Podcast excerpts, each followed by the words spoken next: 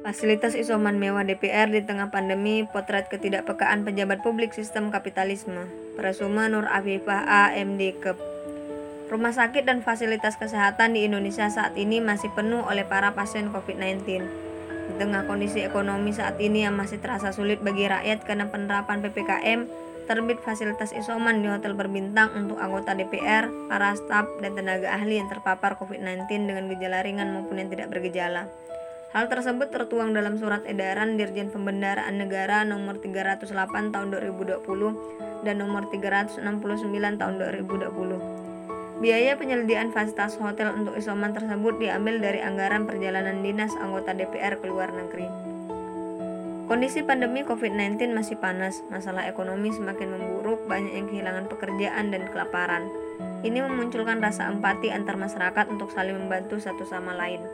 Namun sayangnya mereka yang katanya perwakilan rakyat malah menikmati fasilitas high class. Di sisi lain, masyarakat pentang-panting ke sana kemari mencari rumah sakit, tabung oksigen dan makanan. Yang seharusnya dalam kondisi seperti itu, mereka para wakil rakyat bisa bersikap lebih bijaksana dan meningkatkan empatinya kepada rakyat yang terdampak COVID-19.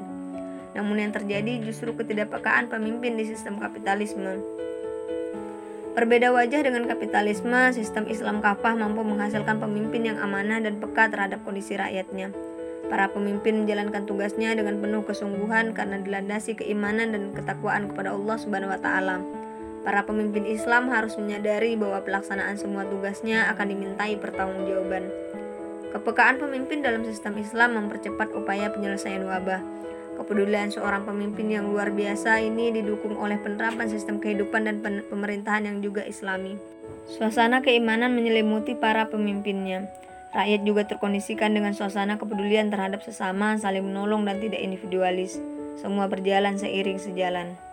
Allah Subhanahu wa taala berfirman, barang siapa yang membunuh seorang manusia bukan karena orang itu membunuh orang lain atau bukan karena membuat kerusakan di muka bumi, maka seakan-akan dia telah membunuh manusia seluruhnya. Dan barang siapa yang melihara kehidupan seorang manusia, maka seolah-olah dia telah memelihara kehidupan manusia semuanya. Quran Surah Al-Ma'idah ayat 32 Sumber ditulis oleh Ummu Naira Aspa